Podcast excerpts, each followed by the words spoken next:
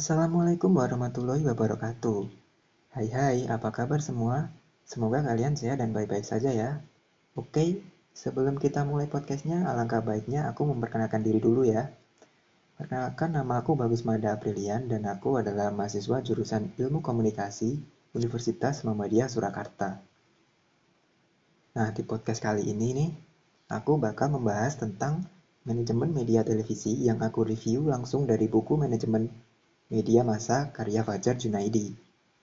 Sedikit informasi buat teman-teman nih, penulis dari buku manajemen media masa ini tak lain dan tak bukan adalah dosen aku sendiri loh. Nah, oke, okay. tanpa bertele-tele lagi, mari kita langsung masuk saja pada topiknya. Kita mulai dari perkembangan media penyiaran di Indonesia. Penyiaran di Indonesia mengalami lonjakan pesat pasca reformasi tahun 1998 Sebenarnya sejak masa-masa akhir kekuasaan Orde Baru, pemerintahan yang berkuasa saat itu mulai membuka kesempatan bagi swasta bagi siaran televisi swasta untuk bersiaran. RCTI menjadi stasiun televisi swasta pertama yang mengudara pada 1989. Penonton di Indonesia tidak lagi hanya mendapat satu suguhan televisi yaitu TVRI, namun sejak mengudaranya RCTI, penonton televisi memiliki pilihan untuk memilih program acara yang diminatinya, seperti TVRI, dan kedua adalah RCTI dan stasiun televisi milik swasta yang mengudara sesudahnya.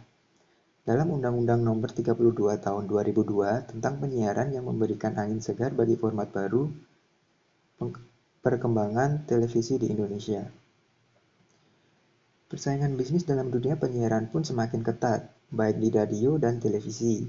Stasiun televisi yang tidak mampu bersaing akhirnya gulung tikar dan dibeli oleh pemodal lain, seperti kasus LaTV, sebagaimana yang disebutkan dalam bagian sebelumnya. Salah satu contoh nyatanya kegagalan bisnis dalam media penyiaran yang memerlukan modal besar.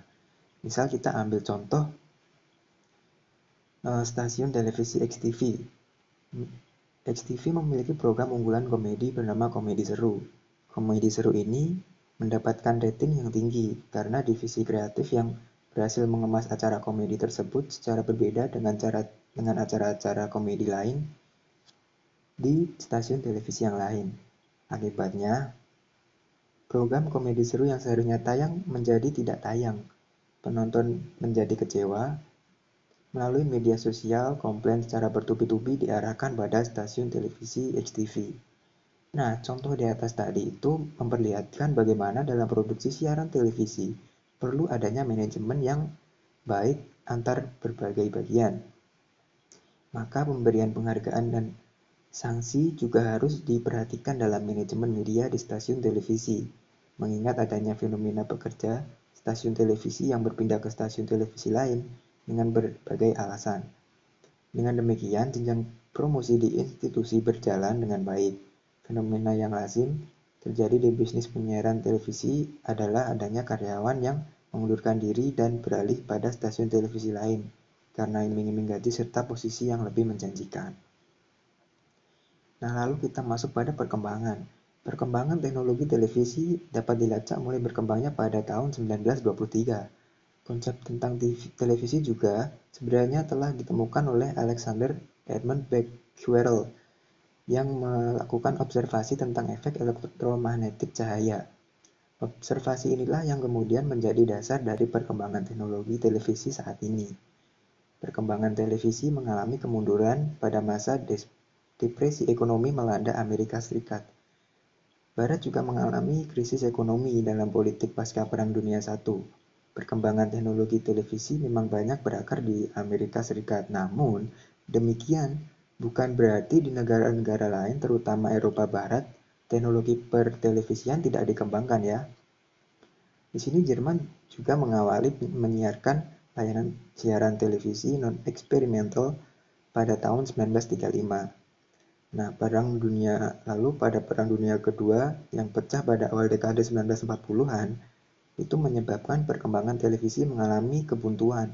Perkembangan tele teknologi televisi hanya fokus perhatian pada teknologi yang digunakan untuk perang seperti halnya radio dan film sebagai sarana propaganda peperangan karena dianggap lebih efektif daripada televisi. TVRI Nah, TVRI ini berdiri mengudara pada pada tanggal 17 Agustus 1962.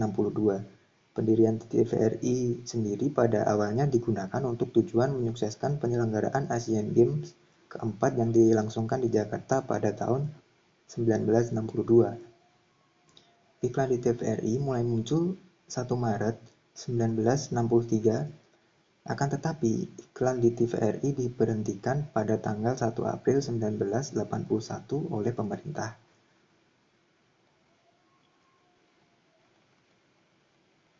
Lalu, perubahan dalam dunia penyiaran televisi di Indonesia mulai tampak di tahun 1987 ketika RCTI diizinkan bersiaran terbatas di Jakarta dan sekitarnya.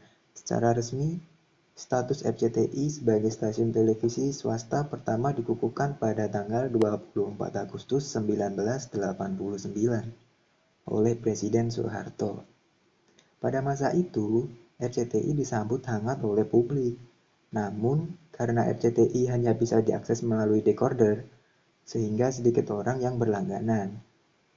Tepat pada tanggal 24 Agustus 1990, masyarakat akhirnya dapat mengakses siaran RCTI tanpa harus menggunakan perangkat decoder. Lalu setelah RCTI mendapat izin mengubah status menjadi siaran saluran umum. Nah, keberhasilan RCTI dengan segera ini diikuti dengan perkembangan izin pada Surya Citra Televisi atau SCTV. Keterbukaan perizinan ini akhirnya juga berlanjut pada tahun-tahun sebelumnya ketika berbagai stasiun televisi mengudara di Indonesia, sama halnya stasiun televisi di USA, di USA atau Amerika Serikat ya. Nah, kita masuk pada struktur dan posisi dalam manajemen televisi. Stasiun televisi dipimpin oleh manajer yang disebut sebagai manajer umum. Di stasiun televisi besar juga disebut sebagai direktur utama.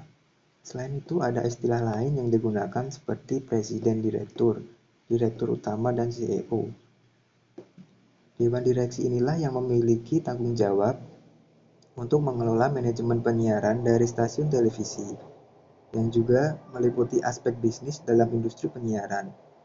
Direktur utama mengemban tanggung jawab pada seluruh bagian dalam stasiun televisi, di mana hal ini bisa dirujuk pada dua tanggung jawab, Tanggung jawab utama yaitu menetapkan sasaran pemasaran dan mengendalikan pengeluaran. Manajemen harus segera mengetahui jika ada program acara yang kualitasnya menurun, kemudian segera melakukan kebijakan atas program acara tersebut. Dan sebaliknya, manajemen juga harus segera mengetahui program acara yang kualitasnya bagus sehingga dapat segera memerintahkan bagian promosi program untuk menjual program tersebut secara lebih intens atau lebih dekat gitu ya.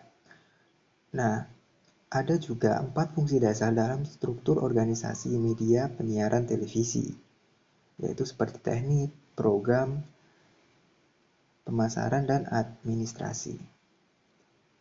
Kita masuk di teknik dulu ya. Sumber daya manusia yang berada di bagian teknik tentu saja adalah teknisi yang memiliki kemampuan untuk melakukan perawatan berkala pada peralatan audio visual yang dimiliki oleh stasiun televisi. Seperti halnya jika ada peralatan yang mengalami kerusakan, bagian teknik harus dengan segera memperbaiki respon dengan mengatasi kerusakan yang ada. Bagian teknik itu biasanya dipimpin oleh kepala teknik untuk memudahkan dan untuk memudahkan pelaksanaan tugas manajemennya Kepala teknik itu biasanya dibantu setidaknya oleh dua orang, yaitu pada sub bagian yang mengurusi urusan teknik dan satu lagi yang mengurusi pemeliharaan atau maintenance alat. Selanjutnya adalah bagian program siaran. Bagian ini mengemban tugas untuk menyuguhkan program acara bagi khalayak, seperti mempertimbangkan jenis acara, waktu tayang, serta perilaku menonton penonton kalayak. Dalam hal ini juga pemilihan jam tayang ini disesuaikan dengan perilaku kalayak di beragam usia yang memiliki waktu senggang untuk menonton televisi di waktu-waktu tersebut. Kurang lebih begitu ya. Selanjutnya di divisi pemasaran dan penjualan program televisi. Bagian ini memiliki tugas untuk menjual program-program yang dimiliki stasiun televisi pada pengiklanan.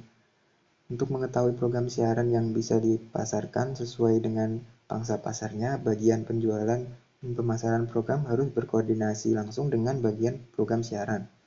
Kerjasama antar kedua bagian ini tuh juga penting dalam penempatan iklan pada program siaran. Nah, kurang lebih itu tadi empat dari empat dari fungsi dasar dari struktur organisasi media penyiaran televisi. Nah, akhirnya kita sampai pada penghujung acara nih.